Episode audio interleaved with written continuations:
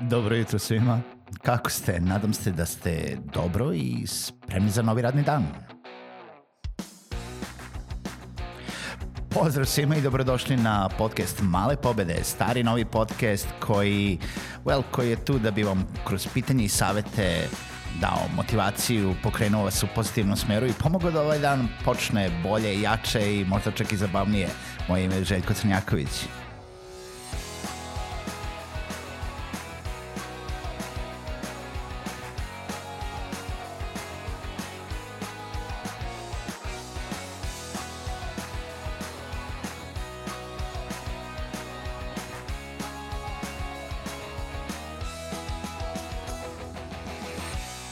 Pozdrav svima, dobro jutro i dobrodošli u još jednu epizodu podcasta Male pobede. Kao i uvek, moje ime je Željko Crnjaković.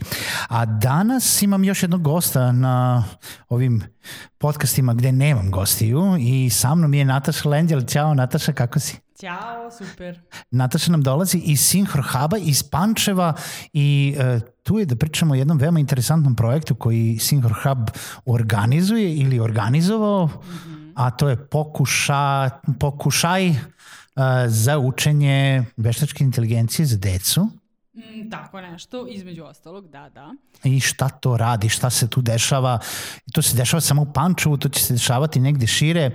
Da, za sada je opcija samo Pančevo, na to smo se fokusirali jer je Sinhro u Pančevu i mi smo zamislili to kao uh, jednu stvaralačku laboratoriju za klince gde klinci mogu da Uh, uh, izvode razne neke eksperimente, to je da pokušaju sa tehnologijom da prave neke zavrzlame, kerefeke, kako god. Znači da pokušaju nešto da, da, da naprave i da, da vide kako to izgleda u praksi. To je da uče o nekim uh, novim tehnologijama u praksi, probajući, pokušavajući. Evo sad, Synchro Hub postoji tek nedavno, malo vremena, ono tipa kao zvanično Synchro Hub i to će biti i coworking space i event space i svašta će tu da bude u Pančevu da se dešava i ono tipa realno mnogo stvari se dešava u Pančevu. Zašto baš Synchro Hub u Pančevu, zašto edukacija za decu? Ima dece u Pančevu, mislim ono kao tipa ima zainteresovane dece. Mislim, pričam zato što gomila drugih gradova ima problema da animira decu da kad god pravi neke ono tipa uh, programe za decu edukacije, je, kako ste odziv imali na, na ceo projekat? E pa da, bilo je super, uh, bilo je zapravo vrlo korisno uraditi tako nešto jer su ta deca, uh, ima ih dosta i uh, jako su blizu Beogradu i samim tim njihove mame, tate koje često rade u Beogradu vide kakve prilike imaju dece, na primjer, njihovih kolega. I samim tim, pošto ima dosta školica, dosta, u Beogradu dosta školica, dosta tih nekih, da, školica računara, programiranja i slično, mi dolazimo u situaciju da je ljudima previše komplikovano da svoju decu voze u Beograd i vraćaju se. Pančevo je, mislim, grad za sebe, što je ono što je divno u njemu, jer ljudi se često ne sele zato što su preblizu prestonice u kojoj se sve dešava a, ovaj, a svoje slobodno vreme zapravo provode u Pančevu. I samim tim Pančevo nama ono, postaje neki epicentar uh, nečega što je dovoljno blizu i dovoljno daleko, kao neki ono Goldilocks zone. I, ovaj, I ljudi tu uh, provode svoje vreme sa porodicama, samim tim deca imaju prilike da idu na različite neke edukacije, ali ovakve školice nisu postojale u Pančevu do, do nedavno. Znači ovakve neki, ovakvi kursevi i slične stvari. Informatika je postala obavezan predmet i dosta dece pokušava da programira preko kompjutera, ali nema priliku da to proba uh, kako izgleda u praksi, to je da taj program pokrene i da taj program neki, na primjer, robotić uradi i da samim tim on, to dete vidi šta se tačno desilo i šta je on napravio. Ali ajde baš sad da pričamo, jer uh, kao što si rekla, informatika ulazi u školu, informatika je veoma popularna oblast, svi hoće da ide u informatiku, jer tu je sad budućnost, tu su pare, tu, tu je sve. Ovaj, pokušaj je projekat koji se baš bazira na veštačkoj inteligenciji ili će to biti nešto kao i 3D štampa i robotici i o neko, neko normalno programiranje, Python, šta, šta će to da bude zapravo? Sve si dobro protumačio. To je to. Znači, bit će različite neke stvari, mi još nismo, mi imamo tri kursa za sada. Jedan je programiranje robotića, drugi je animacija i ilustracija i treći jeste uh, pravljanje videoigara. Znači, to su neke generalne stvari koje će ima biti poznate iz škole i mi smo hteli da prosto napravimo neko što kažu uh, recimo salu za fizičko za škole, samo što nije sala za fizičko, nego stvaralačka laboratorija, tako da se ta informatika ne, ne uči na pamet, ne uči abstraktno, nego da se uči u nekom prostoru koji je tu da vi nešto napravite, kao neki maker space, nalik na te neke do it yourself varijante, znači da oni mogu da stvore same, ne, stvore, sa, stvore sami neku avanturu uh, koja, ko, koja je podupreta tom nekom tehnologijom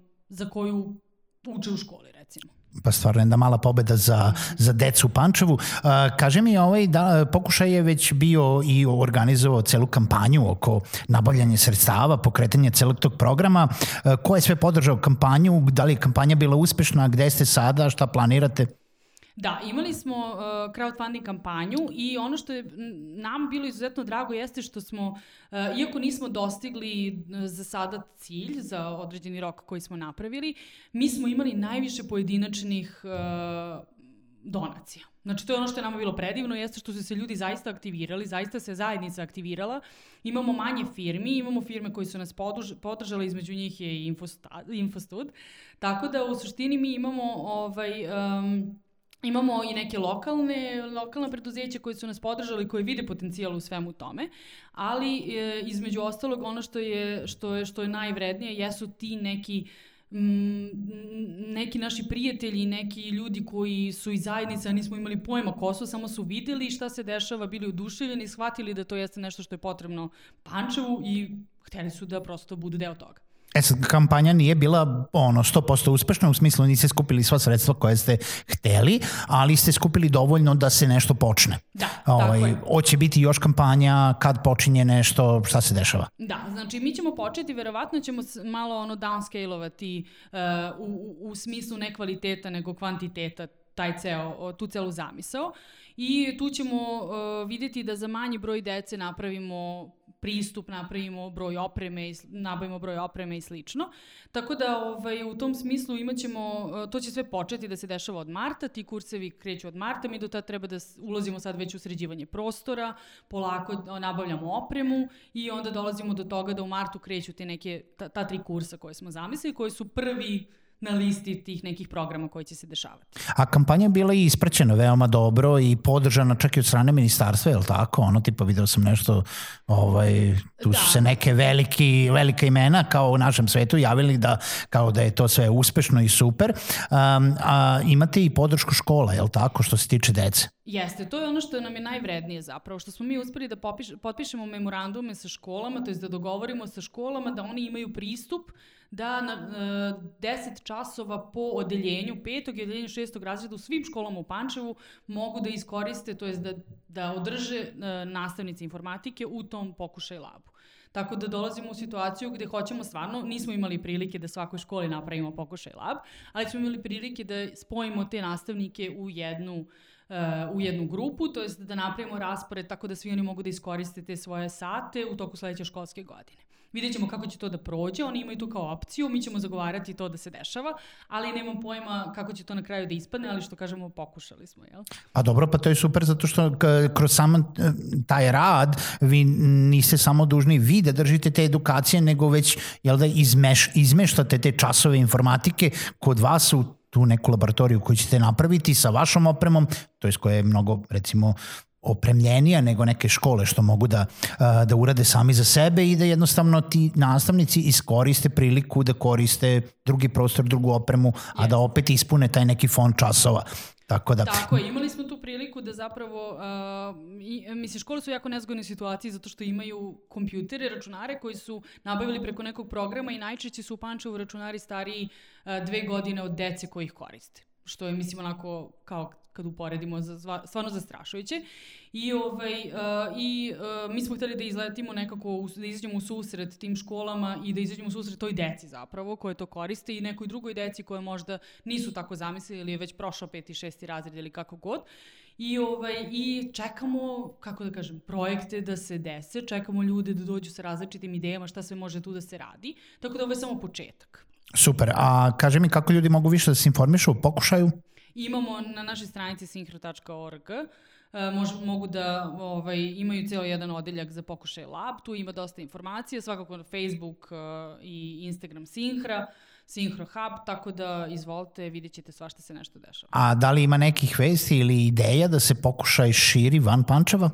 Pa imali smo nekoliko ljudi koji su zainteresovani da se to dešava negde drugde. Nismo još sigurni oko kapaciteta zato što smo nekako hteli da prototipiramo to u Pančevu pa da vidimo šta, šta tačno možemo da preporučimo našim kolegama koji su zainteresovani, ali u svakom slučaju smo otvoreni za takve ideje i ako neko ima ideju da se to desi, slobodno neka nam se javi preko maila ili, ili kako god nas nađe. Super, svakako jedna mala pobeda, jedna velika pobeda za Pančevo, mala pobeda za decu. Nataša, puno ti hvala što si bila gosta u Malim pobedama. Hvala tebi, Željko.